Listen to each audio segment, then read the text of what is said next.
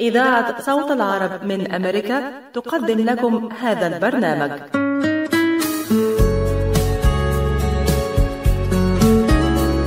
القهوة عالم يجمعنا بناس نشوفها نحبها ومن جوه قلوبنا تفوت. قلوبهم دايما شايلة حكاوي وذكريات. هنشاركها معاهم مع فنجان قهوة. أهلا مستمعينا في كل مكان ولقاء يتجدد مع فنجان قهوة. يقال إن القهوة لها القدرة على أن تجعل يومك الكئيب سعيدا وإن كنت وحيدا. وإحنا في فنجان قهوة بنتمنى لكم من خلال فقراتنا إننا نضيف على يومكم بهجة وسعادة. هذا البرنامج يأتيكم برعاية تحس إنه إيديك عم تنمل أو كتفك عم يجمد أو أصابعك عم تورم وما عم تقدر تشتغل فيهم مثل ما بتريد. مرحبا أنا الدكتور عبد المجيد قطرنجي. زورونا بموقعنا الإلكتروني www.kachanjihandcenter.com لتتعرفوا على كيفية العلاجات لإصابات اليد والكتف والكوع. وإن شاء الله تقدروا تشاركونا بافتتاح مركزنا الجديد في تروي ميشيغان. ونتمنى لكم العفو والعافية. للمواعيد زورونا في عيادتنا الواقعة على 1565 في مدينة تروي البناء F أو اتصلوا بنا على الرقم 248-869-4263 That's 248-869-4263 العطاء قصة رائعة. بدايتها إنسان يهتم ونهايتها إنسان يحتاج. مؤسسة الحياة للإغاثة والتنمية. ومنذ أكثر من 25 عاما تحمل عطاءك إلى من يستحقه ويحتاجه بغض النظر عن الجنس أو العرق أو الدين. فأينما تكون الحاجة تجد الحياة تقدم المساعدة الطبية والملاجئ وبناء المدارس والأوار الارتوازية وبرامج كفالة عوائل اللاجئين والأيتام وغيرها حسب الحاجة. للمساعدة في استمرار هذا الجهد الكبير امنح تبرعك المعفى من الضرائب اليوم إلى منظمة الحياة للإغاثة والتنمية. عبر الموقع www.lifeusa.org أو الاتصال على الرقم المجاني 1-800-827-3543 مركز طب رهاب للعلاج الطبيعي بإدارة الدكتور محمد فرح حسين. أخصائي العلاج الطبيعي بخبرة أكثر من 13 عاما. طب رهاب يقدم خدمات العلاج الطبيعي وإعادة التأهيل ويضم مجموعة من أفضل أخصائي التشخيص الدقيق للحالات المرضية مع خبرة عالية في التعامل مع الحالات التي تحتاج إلى إعادة تأهيل وعناية خاصة بعد العمليات والكسور. طب رهاب يستقبل كل الحالات المتعلقة بألم الرقبة، الظهر، المفاصل، شلل الوجه، الانزلاق الغضروفي، عرق النساء، الحوادث وإصابات العمل، خبيرات في المعالجة النسائية لخصوصيات تامة للسيدات. عندما تبحثون عن رعاية متميزة اقصدوا توب ريهاب للعلاج الطبيعي الواقع على 15001 ميشيغان افنيو وللمواعيد اتصلوا على 313-846-0555 That's 846-0555 اليوم هو السابع من سبتمبر وهو اليوم العالمي لنقاء الهواء من أجل سماء زرقاء. يقول الأمين العام أنطونيو غوتيريش دعونا نعمل اليوم وكل يوم معا. لتنقية الهواء الذي نتنفسه حتى نتمكن حماية كل من الناس والكوكب. تحتفل الأمم المتحدة في السابع من شهر أيلول سبتمبر من كل عام باليوم العالمي لنقاء الهواء من أجل سماء زرقاء. بعد تزايد اهتمام المجتمع الدولي بنقاء الهواء ورغبة الدولة في بذل الجهد لتحسين الهواء من أجل حماية صحة الإنسان. موضوع عام 2021 هو هواء صحي كوكب صحي الذي يؤكد على الجوانب الصحية لتلوث الهواء لا سيما بالنظر إلى جائحة كوفيد 19 وينصب بتركيز هذا العام على إعطاء الأولوية للحاجة إلى هواء صحي للجميع. مع الحفاظ على نطاق واسع بما يكفي ليشمل القضايا الحاسمة الأخرى مثل تغير المناخ وصحة الإنسان والكوكب بالإضافة إلى أهداف التنمية المستدامة. ويعتبر هذا اليوم بمثابة دعوة للعمل والمطالبة بحقنا في هواء نقي من خلال تفعيل الهاشتاج Healthy Air Healthy Planet. ويرى المجتمع الدولي بأن تحسين نوعية الهواء يخفف من آثار تغيير المناخ بما يؤدي لتحسين نوعية الهواء وكذلك ضرورة الحد من عدد الوفيات والأمراض الناتجة عن التعرض للمواد الكيميائية الخطرة وتلوث الهواء والماء والتربة خلال عام 2030 وأكدت الأمم المتحدة أن تلوث الهواء هو أكبر خطر بيئي على صحة الإنسان وأحد أهم أسباب الوفاة والمرض الرئيسية التي يمكن تجنبها. وأعلنت عن قلقها للأثر السلبي لتلوث الهواء على النظم البيئية وأثره على النساء والأطفال وكذلك كبار السن. واعتبرت أن اختراق جزيئات التلوث التي لا ترى بالعين المجردة للرئتين ومجرى الدم والجسم وأنها مسؤولة عن نحو ثلث الوفيات الناتجة عن السكتة الدماغية والأمراض المزمنة للجهاز التنفسي وأيضا سرطان الرئة ومسؤولة كذلك عن ربع وفيات الأزمات القلبية ويتسلل تفاعل الملوثات في ضوء الشمس الربو وأمراض الجهاز التنفسي المزمنة. وأشارت الأمم المتحدة إلى أن بعض الملوثات تبقى في الجو لبضعة أيام وربما عدة عقود والحد منها له فوائد صحية ومناخية فورية. تقريبا لهؤلاء الذين يعيشون في أماكن مستوى التلوث فيها منخفض. وقالت الأمم المتحدة أن أعداد الوفيات المبكرة الناجمة عن تلوث الهواء ستشهد زيادة تتجاوز الخمسين في المئة بحلول 2050 وأن تلوث الهواء هو الخطر الأكبر على صحة البشرية وأن تلوث الهواء في الدول النامية يؤثر بشكل أكبر على النساء والأطفال وكبار السن. وترى الأمم المتحدة أن تلوث الهواء له تكلفة مرتفعة على المجتمع وآثاره الضارة على الاقتصاد وإنتاجية العمل وتكلفة الرعاية الصحية والسياحة وأيضا له أثره على المحاصيل الزراعية ومن ثم الأمن الغذائي. وتزامنا مع اليوم العالمي للهواء النظيف للسماء الزرقاء هيونداي تكشف النقاب عن رؤيتها المستقبلية لمجتمع الهيدروجين المستدام. أعلنت مجموعة هيونداي موتورز استضافة الموجة الهيدروجينية وهو منتدى افتراضي عالمي يمثل خطط المجموعة لموجة جديدة من المنتجات والتقنيات القائمة على الهيدروجين مشيرة إلى أن المنتدى سيوفر أيضا نظرة ثاقبة للرؤية المستقبلية للمجموعة لمجتمع هيدروجين مستدام. يبدأ منتدى التفكير المستقبلي عبر الإنترنت في 7 سبتمبر وسيتم بثه مباشرة عبر قناة المجموعة على موقع يوتيوب لمناقشة مفهوم مجتمع الهيدروجين المستدام وتقديم لمحة عن منتجات وتقنيات الهيدروجين المستقبلية التي سيتم الكشف عنها في المستقبل. وستستعرض المجموعة رؤيتها لمجتمع الهيدروجين المستقبلي من خلال الكشف عن خططها المثيرة واستراتيجيات العمل الخاصة بتكنولوجيا نقل الهيدروجين الجديدة وأنظمة خلايا الوقود من الجيل التالي وتطبيقاتها في مختلف الصناعات بخلاف السيارات مشيرة إلى أنه سيتم الكشف عن أحدث السيارات الكهربائية التي تعمل بخلايا الوقود في المستقبل بالإضافة إلى التطبيقات المبتكرة الأخرى كل ذلك خلال المنتدى. وأوضحت المجموعة أنه بعد المنتدى عبر الإنترنت ينتقل البرنامج من العالم الافتراضي لموجة الهيدروجين إلى العالم الحقيقي لمعرض مادي يقام في مدينة جويانغ بكوريا الجنوبية التي اقترحت التوعية بتلوث الهواء وصدقت عليه الأمم المتحدة عام 2019 وسيقام هذا المعرض في الفترة من 8 إلى 11 سبتمبر. ولهؤلاء الذين يبحثون عن الهدوء والهواء النظيف في الريف. أطلقت إحدى القرى الريفية على الساحل الشمالي لأسبانيا حملة لتحذير زوارها من حقائق الحياة الريفية. ويقول الخبر إن قرية ريبا دي سيليا الإسبانية حذرت السياح الذين لا يستطيعون التعامل مع الضوضاء الموجودة في الريف أن عليهم التفكير في المغادرة والذهاب إلى مكان آخر.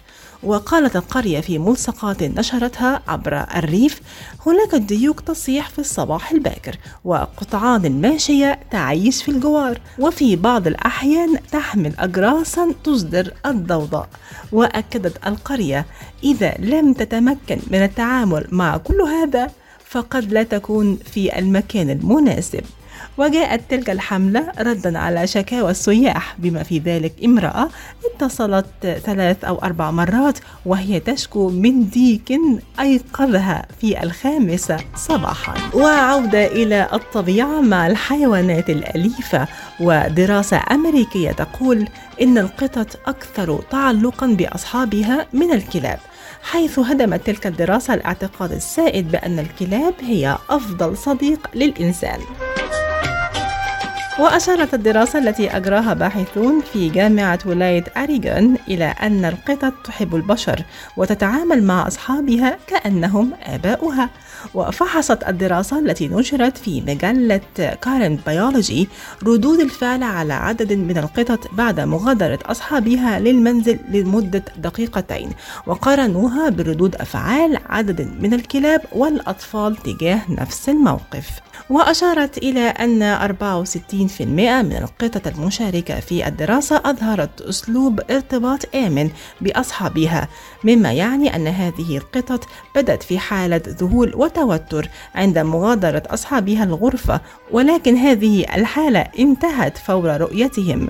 وأشار الباحثون إلى أن هذه النسب تتوافق إلى حد كبير مع تلك الخاصة بالأطفال ومشاعرهم عند مغادرة آبائهم للمنزل مما يشير إلى أن القطط تتعامل مع أصحابها مثل آبائهم وشدد الباحثون على أن القطط أكثر ارتباطا وثقة بأصحابها من الكلاب. بينما كنا نجلس في بيوتنا مطمئنين كان علماؤنا يعملون ليل نهار لإيجاد لقاح لفيروس كوفيد 19 شكلت الأبحاث التي انطلقت منذ عقود حول أنواع أخرى من فيروس كورونا نقطة بداية في رحلة استغرقت أشهرا من البحث والتطوير بالتعاون مع خبراء من جميع أنحاء العالم. وبعد الحصول على نتائج سريرية واعدة لعشرات آلاف المتطوعين توصل العلماء أخيرا إلى لقاح آمن وفعال حيث تم حتى يومنا هذا تلقيح مئات الآلاف من الأشخاص في ميشيغان والآن أصبح مصيرنا بين أيدينا لنأخذ اللقاح في أول فرصة ممكنة ولنستمر في ارتداء الكمامة ولنأخذ الاحتياطات اللازمة حتى نصل إلى بر الأمان والتحرر من فيروس كورونا. للحصول على أكثر المعلومات مصداقية زوروا الموقع الإلكتروني michigan.gov/covid vaccine. هذه الرسالة بدعم من وزارة الصحة والخدمات الإنسانية في ولاية ميشيغان. تخيل أنك تقف على مسار قطار بعيد عنك لكنه يتجه إليك. لا يمكنك رؤيته لكنه قادم إليك بالتأكيد. إذا كنت في مرحلة ما قبل السكري أو معرضا لخطر الإصابة بالسكري من النوع الثاني فقد تكون على المسار الخاطئ وقد يصل إليك مرض السكري. لا تقف على المسار الخاطئ بل غير طريقك وتجنبه. إذا كنت في مرحلة ما قبل السكري أو معرضا لخطر الإصابة بالسكري من النوع الثاني فقد تكون مؤهلا للبرنامج الوطني للوقاية من مرض السكري ضمن مجتمعك المحلي. سيمنحك البرنامج ولمدة عام كامل الدعم المستمر لتعود إلى المسار الصحيح. لم يفقد المشاركون الوزن فحسب بل قللوا من خطر إصابتهم بالسكري من النوع الثاني إلى النصف. هل أنت مستعد للانضمام إلى مستقبل أكثر صحة؟ اعرف المزيد عن البرنامج الوطني للوقاية من مرض السكري وإمكانية التعامل معه. قم بزيارة michigan.gov/diabetes رسالة من وزارة الصحة والخدمات الإنسانية في ولاية ميشيغان لتحضري عشاء طيب وسفرة ملكية منقدم لك تشكيلة متنوعة وغنية. مربيات كبيس وحمص بطحيني الجودة عالية والمنتجات صحية. الشكل مثل الخيال والريحة شهية. لتطلع سفرتك لوحة فنية زياد لقمة هنية وطعمة أصلية. منتجات زياد من عائلتنا إلى عائلتكم. مستمعينا لازلتم مع فنجان قهوة وحناخدكم في جولة مع كتاب كيزن تم إصداره لأول مرة في أوائل القرن التاسع عشر. هو واحد من أشهر كتب التنمية الذاتية المعروفة عالميا. الكتاب عبارة عن دليل بيرشدنا للقواعد اللي ممكن تساعدنا على حصد الكثير من المكاسب سواء على مستوى العلاقات الاجتماعية أو حتى العلاقات المهنية. الكيزن هي المنهجية اللي خلت اليابان بلد صناعي متطور بيقدم جودة منافسة للعالم. من خلال تصنيعه لأفضل العلامات التجارية في مجال السيارات والتقنية وغيرها وده كله كان بعد الحرب العالمية الثانية.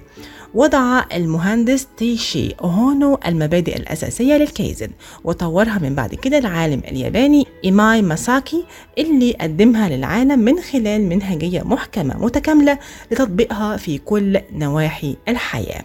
تعالوا نسمع ملخص الكتاب اللي هيغير مجرى حياتك على طريقة الكايزن مع الزميل صبري عبد الغني الكتاب اللي معانا النهارده اسمه كايزين أو كايزن والنسخة اللي معانا النهارده هي النسخة اللي اتكتبت سنة 2019 لأن الكتاب ده والفكرة دي موجودة من بعد الحرب العالمية الثانية، وإحنا باختصار في الحلقة دي هنغطي مبدأ الكايزن، هنعرف يعني إيه كلمة كايزن دي وإزاي إن أنا أطبقها في حياتي فأغير كل حاجة في حياتي. في خمس خطوات بس. أول خطوة هنتكلم على إيه هو الكايزن أو إيه هو التعريف بتاعه، وتاني وتالت ورابع نقطة هتكون دي الثلاث نقط اللي بتشكل خطوات الكايزن اللي هو إزاي أطبق الكايزن ده في حياتي. وآخر نقطة خالص هنتكلم فيها النهارده ليها علاقة بس بأفكار عامة حوالين فكرة الكايزن. حاجة مثلا زي كده إيه ال conclusion أو السمري اللي أنت برضو ممكن تستفيد بيه. خمس نقط وأوعدك إن أنا مش هطول عليك وأوعدك النقط دي هتفرق في حياتك بشكل كبير قوي.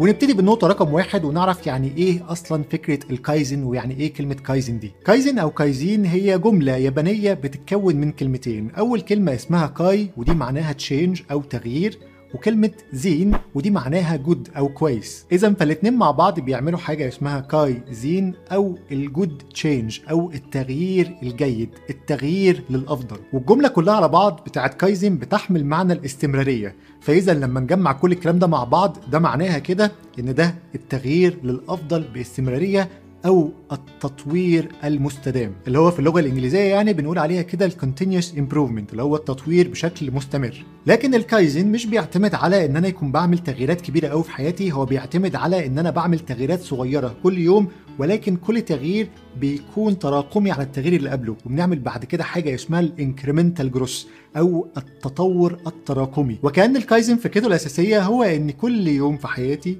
كل وقت في حياتي مع كل واحد أنا بتعامل معاه بحاول إني أطور 1% بس من الحاجات اللي أنا بعملها. فلو أنت كل مرة بتطور في نفسك 1% بتثبته وبعد كده بتقوم تطور عليه 1% تاني فده يضمن لك إن دايما يكون فيه تطور والتطور ده يكون كبير وده أحسن من لا شيء. أو بمعنى آخر يعني كده زي قصة بالظبط بتاعه الأرنب والسلحفة اللي كان بينهم سباق والسلحفة فضلت ماشية بخطوات بطيئة جدا لغاية خط النهاية ولكن ما وقفتش على عكس الأرنب اللي كان كل شوية بيقعد يريح وفي الآخر السلحفة هي اللي كسبت. طب الكلمة دي ابتدينا بقى نستخدمها إمتى؟ وظهرت إمتى كده للناس كلها؟ الكلمة دي اللي استخدمها في الأساس الأمريكان على اليابانيين. بعد الحرب العالمية الثانية كان اقتصاد اليابان بيعاني بشكل كبير جدا وامريكا حبت إن هي تساعد اليابان. وركز معايا في الكلام ده كويس جدا لأن في البداية كانت أمريكا هي اللي حابة إن هي تساعد اليابان فقالت لها إحنا هنعتمد مشروع يحاول إن هو ينمي الاقتصاد الياباني وهنسميه كايزن على أساس إن كايزن دي هي كلمة يابانية. أهو بنستخدم الكلام بتاعكم في مشاريع إحنا اللي بنعملها. وابتدت ساعتها المبادرة الأمريكية دي تحاول إن هي تطور في المنتجات اليابانية واللي كان من ضمنها برضه تويوتا. لكن واضح إن هم في أمريكا ما كانوش عارفين إن اليابانيين هياخدوا الموضوع ده على محمل الجد بشكل كبير جدا وفعلا فضلوا يطوروا بشكل كبير قوي وفضلوا كل يوم عن يوم بيزيدوا لغاية ما شركة زي تويوتا بقت موجودة بالحجم اللي هي موجودة فيه دلوقتي ولغاية ما في الثمانينات الآية دي كلها اتقلبت. الاقتصاد الياباني في الفترة دي كان بينمو بشكل كبير جدا لدرجة خوفت الأمريكان نفسهم ولدرجة برضه إن يطلع كاتب من اليابانيين نفسهم اسمه ماساكي ايماي الكاتب ده يكتب كتاب اسمه كايزن ولكن كان يقصد بالكتاب ده إن هو يعلم بقى الأمريكان ويعلم العالم كله إزاي المفروض تدير أي شركة وإزاي تكبر أي شركة. فزي ما كانت أمريكا بتحاول تعلم اليابان كده وتاخد سبوبة معاها راحت بعد كده اليابان علمت على أمريكا وعلمت على العالم كله. والجدير بالذكر برضه على فكرة إن كتاب كايزن الياباني بتاع ماساكي ده اللي قلت لكم عليه كان كتاب متكامل كان كتاب بيشرح خطوة بخطوة إزاي أي شركة ممكن تكبر عن طريق إن هي تركز على أربع محاور تطوير عملية البيع نفسها تطوير المنتج خدمة ما بعد البيع وإزاي تعمل تحفيز لكل الناس اللي شغالين في أي شركة. وكايزن عشان عملية يعني بطيئة شوية في النمو ولكن يعني فعالة بتهتم بكل التفاصيل. وعشان كده كايزن في الإدارة كانت معناها إن أنت بتهتم بكل الناس اللي شغالة في أي شركة أو في أي مكان بداية من عامل الاستقبال لحد رئيس الشركة دي. طبعا الأمريكان ما يسكتوش فراحوا خدوا الكايزن ده وابتدوا إن هم بقى يطبقوه على كل حاجة في حياتهم. ابتدوا يطبقوه على العلاقات الموجودة في حياتهم. ابتدوا يطبقوه على الصحة وابتدوا يطبقوه على الرياضيات. ابتدوا يطبقوه على كل حاجة موجودة في الحياة. وعشان كده يطلع لنا كتب كتير جدا بتتكلم على كايزن ولكن كايزن بتاعه كل حياتك. مش بس بتاعه الشركات مش بس بتاعه الاقتصاد لا كمان بتاعه حياتك انت وبتاعه عاداتك وبتاعه أحلامك وبتاعه كل حاجة.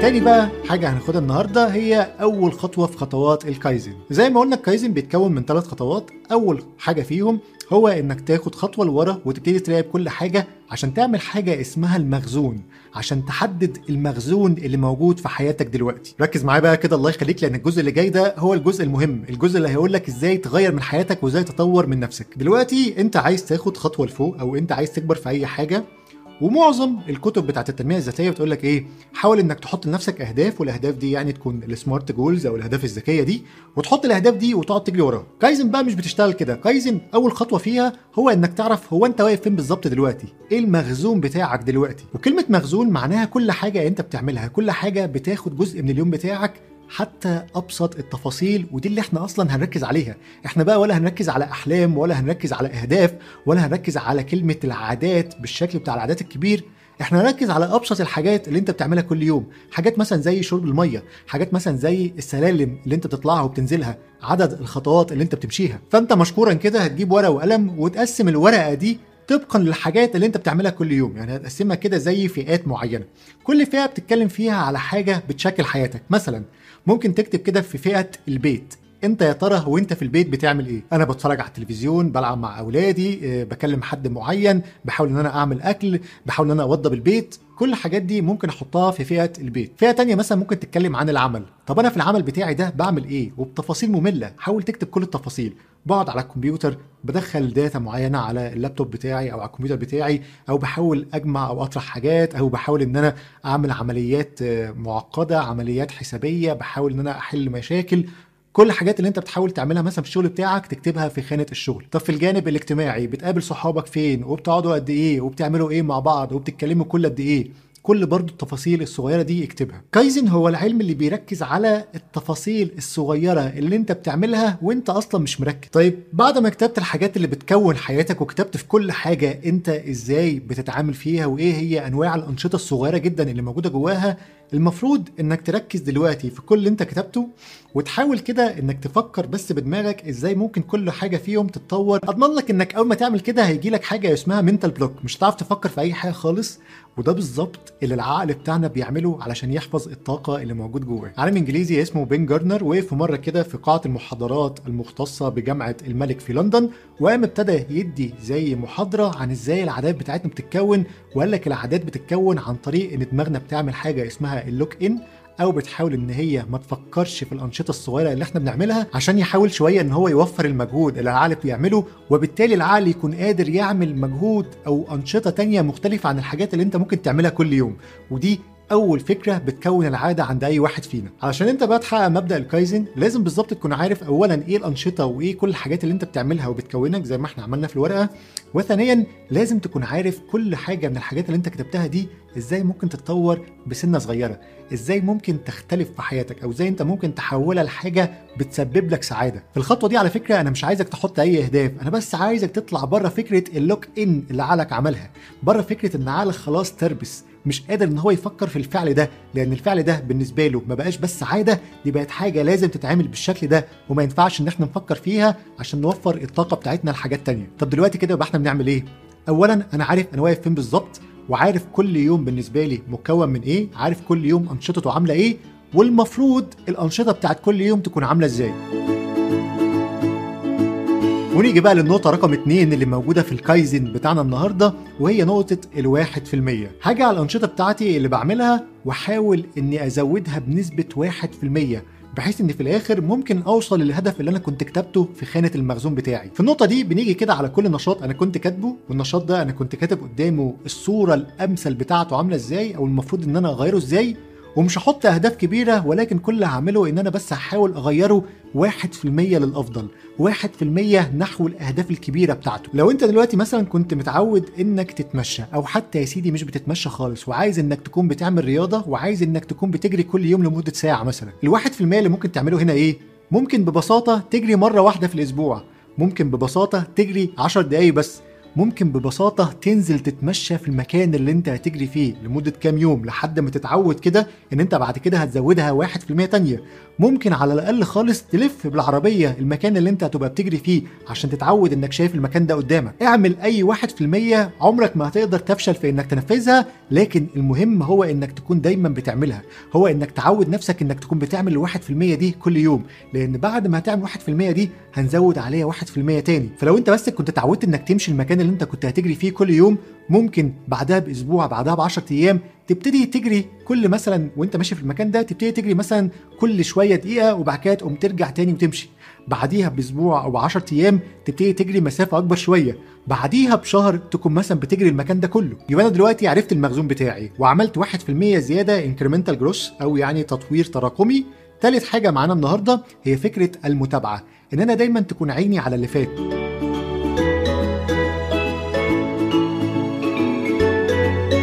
في واحدة يابانية حلوة جدا جدا اسمها هاني موتوكو وهي اسمها فعلا هاني. هاني دي دي كانت أول صحفية يابانية ودي كانت اخترعت طريقة كده تساعد بيها الزوجات إن هي تحوش من مصروف أزواجهم علشان هي كانت مقتنعة إن أنا لما أهتم بالحسابات اللي موجودة في بيتي يبقى أنا كده بهتم بسعادتي. نفس المبدأ يعني بتاع أمهاتنا المصرية لما كانوا بيقولوا لبناتهم قصقصي ريشه علشان ما يلوفش على غيرك. فراحت الصحفية دي عملت طريقة ونشرتها في الجريدة وسمتها كاكيبو. دي كلمة يابانية بتعني فكرة إن أنت بت monitor أو بتبص على اللي فات وبتحاول إنك تلتزم باللي جاي. وهذه الكاكيبو هناخدها كده ونستخدمها في الكايزن وهنعمل الكلام ده إزاي عن طريق إن إحنا بقى نجيب ورقة جديدة ونقسم الورقة دي نصين؟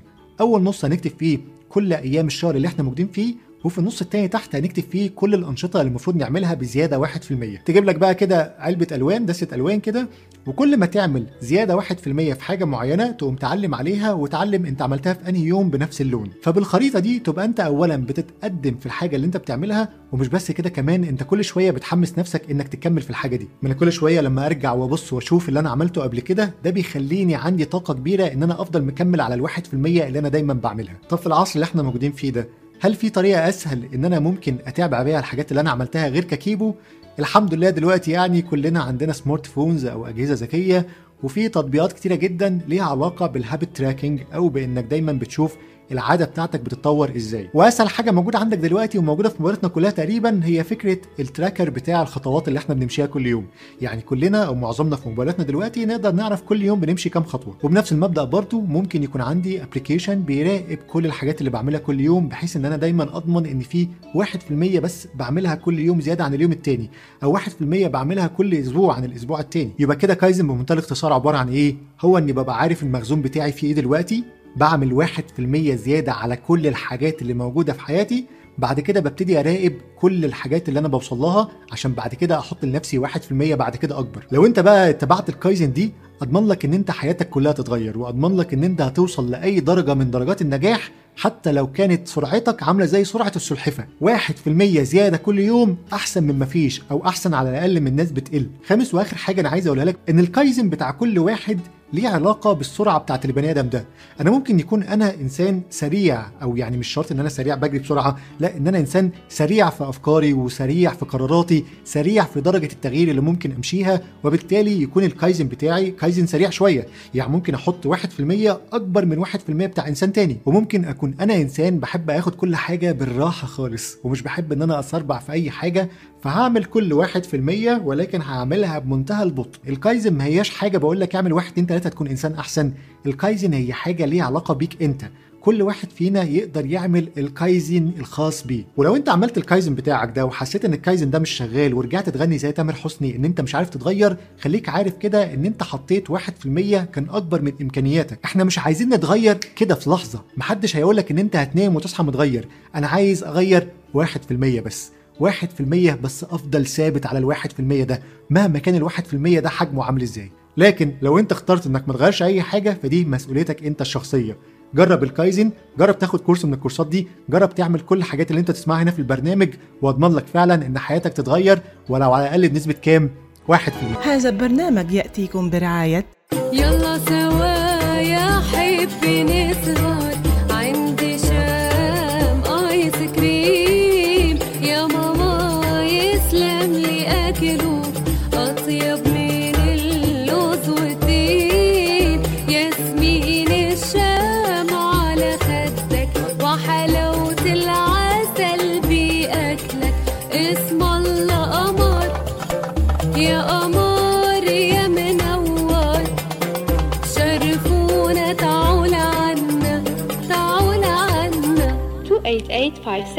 28857 Orchard Lake مدينة فارمينغتون هيلز أو اتصلوا على 248-516-3130 مرحبا سعيد. أهلا علا. ليش هالمقابلة الفاترة هي بيقول المثل لاقيني ولا تغديني. يمه زعلتي. شنو رأيك إذا لقيتك وأيضا غديتك بأحسن مطاعم ميشيغان مطعم عشتار والله فكرة. أفضل الأطباق والمقبلات العربية والعراقية وأحلى ملقى ولا تنسين اللحوم الطازجة مباشرة من ملحمة عشتار لزباين عشتار. وملحمة عشتار توفر اختيارات متنوعة من كافة أنواع اللحوم وبأسعار متميزة وجودة أيضا مميزة. ملحمة عشتار تقع على 36865 Ryan Road في مدينة ستيرلينغ هايت وأكيد أحلى لمة. وأطيب لقمة في مطعم عشتار اللي عنوانه 3625 Mile Road في مدينة ستيرلينغ هايت هاتف 586-698-2585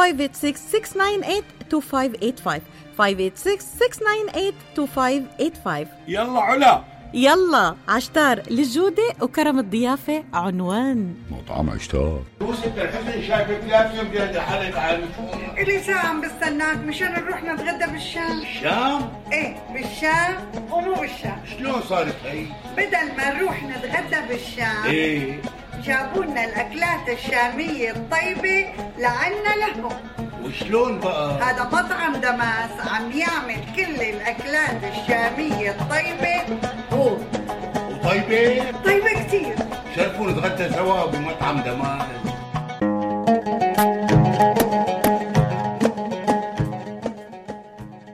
الأكل الشامي الأصيل فقط ب Damas Cuisine زوروهم على 28841 Orchard Lake بفارمينغتون هيلز. ولطلباتكم اتصلوا على 248-987-4609 That's 248-987-4609 Damas Cuisine and Catering جبنا لكم الشام لعندكم. أحبائي محبي إذاعة صوت العرب من أمريكا وجه ندى بيحييكم النهاردة. هنتكلم على الفنان محمد عبد المطلب. الفنان محمد عبد المطلب فنان شعبي ومطرب شعبي طبعا أصيل. هو محمد عبد المطلب محمد عبد العزيز الأحمر. مواليد 13 أغسطس عام 1907 بلده شبرخيت بمحافظة البحيرة. ظهر على الساحة الطربية وعمل في البداية في كازن وبديع مصبني مع محمود الشريف الملحن وفريد غصن الموسيقي اللبناني والمطرب صالح عبد الحي وأحمد شريف وأحمد عبد القادر وعبد الغني السيد وظل في منافسة غنائية في المحلات الليلية وأيضا في الإذاعة. ومن أشهر أغنياته وما فيش حد طبعا ينساها اللحن الرمضاني رمضان جانا. من ألحان مين؟ محمود الشريف واللي كان بينهم مصاهرة واللي قدم له ألحان شهيرة أنا وأنت في الهوى وبتسأليني بحبك ليه؟ وبياع الهوى راح فين؟ ومستني جواب وودع هواك وبيعني ولا شاريني. ومين فينا ينسى؟ بتقول وتعيد لمين؟ وبتشكي من ده وده. الناس المغرمين ما يعملوش كده. طبعا فاكرين اللحن ده. بتقول وتعيد لمين؟ تي تي وبت تشكيل ده وده تيرارا الناس المغرمين ترارا. ما يعملوش كده دول مهما تألموا. ترر ترر بيداروا ويكتموا. ترر ترر ولا يوم يتكلموا. ويشمتوا العدا الناس المغرمين. ما يعملوش كده. طبعا ده الفنان محمد عبد المطلب وبأغانيه الجميلة. وطبعا من بعد كده طبعا الكلام طبعا اللي إحنا قلناه ده من كلمات مين؟ عبد الوهاب محمد وألحان مين؟ ما حدش يصدق. كمال الطويل. ومين ينسى طبعا؟ يسأل مرة عليا لعلي السوهاجي وألحان سيد مكاوي. ومين ينسى برضه فضل موسيقي الأجيال على فناننا محمد عبد المطلب ولما قدم له ألحان جميلة وزادت في شهرته وإعمل معروف يا بعود ملفوف وكان الدويتو ده مع نعيمة عاكف في فيلم النمر. ومين ينسى فايت وعنيه في عينيا وفيلم تاكسي حنطور عام 1945 وحد يصدق إن الفنان الكبير محمد فوزي قدم له لحنين في حياته فقط الأول مشهور وهو ساكن في حي السيدة وحبيبي ساكن في الحسين مقام الكرد ومن نظم زين العابدين عبد الله. والتاني لا قابلتك ولا كلمتك. وغنى من موسيقى وألحان أحمد صدقي بصعب على روحي لمرسي جميل عزيز وبتكلموني ليه لأحمد حلمي. وبرضه قدم له الملحن عبد الوهاب كرم ألحان كتيرة ولكن أشهرهم كاس الهنا داير يسعد قلوب الناس. وقدم له الملحن ابن اسكندرية حسين جنيد أعمال موسيقية شهيرة ما بيسألش عليا أبدا لفتح قورة وتعاون طبعا الفنان كمال الطويل مع صوت عبد المطلب وقدم له أشهر ما غنى طبعا الناس المغرمين. آه. وطبعا اللي كتب الكلام الحلو ده عبد الوهاب محمد وبرضه الملحن محمود كامل قدم له ألحان كتيرة. ولكن أشهرهم تسلم إيدين اللي اشترى. الدبلتين والاسوره من نظم مين؟ عبد اللطيف البسيوني. ومن ألحان رياض السنباطي غنى محمد عبد المطلب. شفت حبيبي وفرحت معاه. ده الوصل جميل. حلو يا محلاه.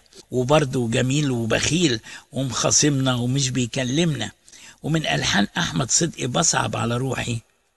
علشان بدك ترضيني. مفيش في القلب غيرك. ومن ألحان عبد الرؤوف عيسى الملحن السكندري داري على شمعتك وجواب رمضان وإله الكون. ومن ألحان محمد الموكي غنى أوهام الحب للشاعر عبد السلام بدر. واعطف يا جميل لعبد العزيز سلام. وطول حياة محمد عبد المطلب قدم لنا عشرات الملحنين. ومن ألحانهم طبعا شفيق آه السيد ومرسي الحريري وزكريا أحمد وعزة الجهلي ومحمد حمودة ومحمد قاسم ومحمود مندور وسيد مصطفى ورياض البندق وعلي فراج حلمي بكر عطية محمد عبد الحليم نويرة إبراهيم رأفت. نيجي بقى لحكايته بقى مع السينما. اشترك طبعا وغنى وبرضه بطولة بسيطة. في السينما المصرية وكان أول أفلامه علي بابا والأربعين حرامي. وغنى مع مين؟ مع إسماعيل ياسين وعلي الكسار وليلى فوزي. وإخراجه قصة وحوار وسيناريو مين؟ توجو مزراحي وكان العرض 18 9 عام 1942 والفيلم التاني كذب في كذب وغنى قدام بيبة عز الدين طبعا الراقصة وأنور وجدي وإخراج توجو مزراحي وبعد كده فيلم رجاء ده كان الفيلم الثالث والبطولة لرجاء عبده. المطربة طبعا بتاعة البصاجية اشتكوا فاكرينها؟ وشارك الغناء مع إسماعيل ياسين إخراج مين؟ عمر جميعي. الجيل الجديد بطولة سميرة خلوسي وحسين صدقي وعلوية جميل وإخراج أحمد بدرخان وكان العرض 14 مايو عام 1945 في سينما ستراند بالإسكندرية. وكانت المشاركة الخامسة هي البطولة بقى لمحمد عبد المطلب. وغنى قدام مين؟ قدام سامية جمال وإسماعيل ياسين ومحمود شكوكو. وغنى فايت وعنيف عينيا يا نايم الليل وأنا صاحي. يا أبو العيون السود. إخراج مين؟ إخراج أحمد بدرخان. واتعرض الفيلم يوم 13 سبتمبر عام 1945 وكان الفيلم رقم ستة والبطولة التانية على طول اللي هو فيلم كازينو اللطافة قدام سامية جمال وسرية حلمي. وإسماعيل ياسين وغنى طبعا من ألحان زكريا أحمد ومحمود الشريف وإخراج جمال مذكور وكان العرض 18 أكتوبر عام 1945 الفيلم رقم سبعة الصيت ولا الغنى والبطولة مع زوجته المطربة العراقية نرجس شوقي إخراج حسن الإمام واتعرض 2 مايو عام 1948 أما الفيلم رقم 8 دستة مناديل وطبعا شارك الغناء مع كريم محمود والإخراج كان لعباس كامل. الفيلم رقم تسعة وشارك الغناء مع حسيبة رشدي وسامية جمال وغنى رمش الغزال والتوبة من قلبي.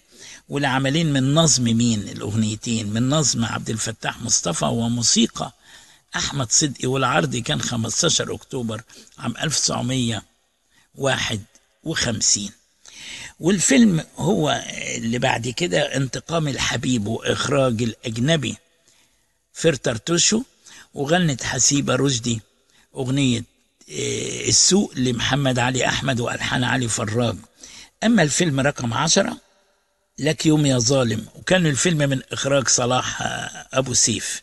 وكان العرض 19 نوفمبر عام 1951 أما الفيلم رقم 11 للفنان محمد عبد المطلب ليلة غرام.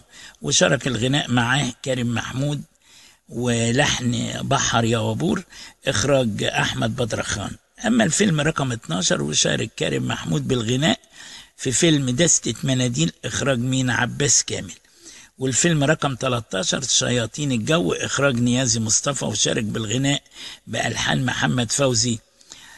وكان العرض 4 إبريل عام 1956 أما الفيلم 14 المتهم وشارك الغناء مع شريفة ماهر ورقص طبعا مين؟ زينات علوي.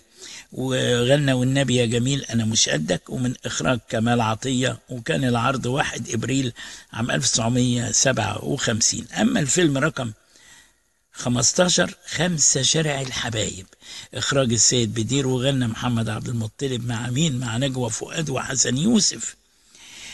وده يمكن كان الفيلم الأخير للفنان محمد عبد المطلب. عام 1971 أما الفنان بقى محمد عبد المطلب في حياته الاجتماعية غاص انتخابات مجلس الأمة في نهاية الخمسينات عن دايرة شبرخيت وما حلفوش الحظ. وفي حياته الاجتماعية اتجوز ثلاث مرات من الراقصة شوشو عز الدين أخت بيبة عز الدين وأنجب توأم اللي هو نور وبهاء أما الزواج الثاني من السيدة نرجس شوقي اللي هي المطربة العراقية وتم الانفصال. أما الزواج الثالث من شقيقة زوجة الموسيقار محمود الشريف. الله. وأنجب انتصار وسامية جمال. الله. آه إحنا بنقول سامية جمال عشان محبتنا لسامية جمال. أنجبوا انتصار وسامية. وفي موسم 1973 غنى في مسرحية يا حبيبتي يا مصر وهنا اتغير صوته طبعا وانكسر وفقد صحته وصوته وظل معتكف حتى وفاته في 21 أغسطس عام 1981 مع أطيب تحيات بحار كل الفنون. وجيه ندى مستمعينا وصلنا لنهاية حلقتنا النهاردة من فنجان قهوة. على وعد بلقاء يتجدد دائما على أثير إذاعة صوت العرب من أمريكا. كنت معكم فرح صفي الدين.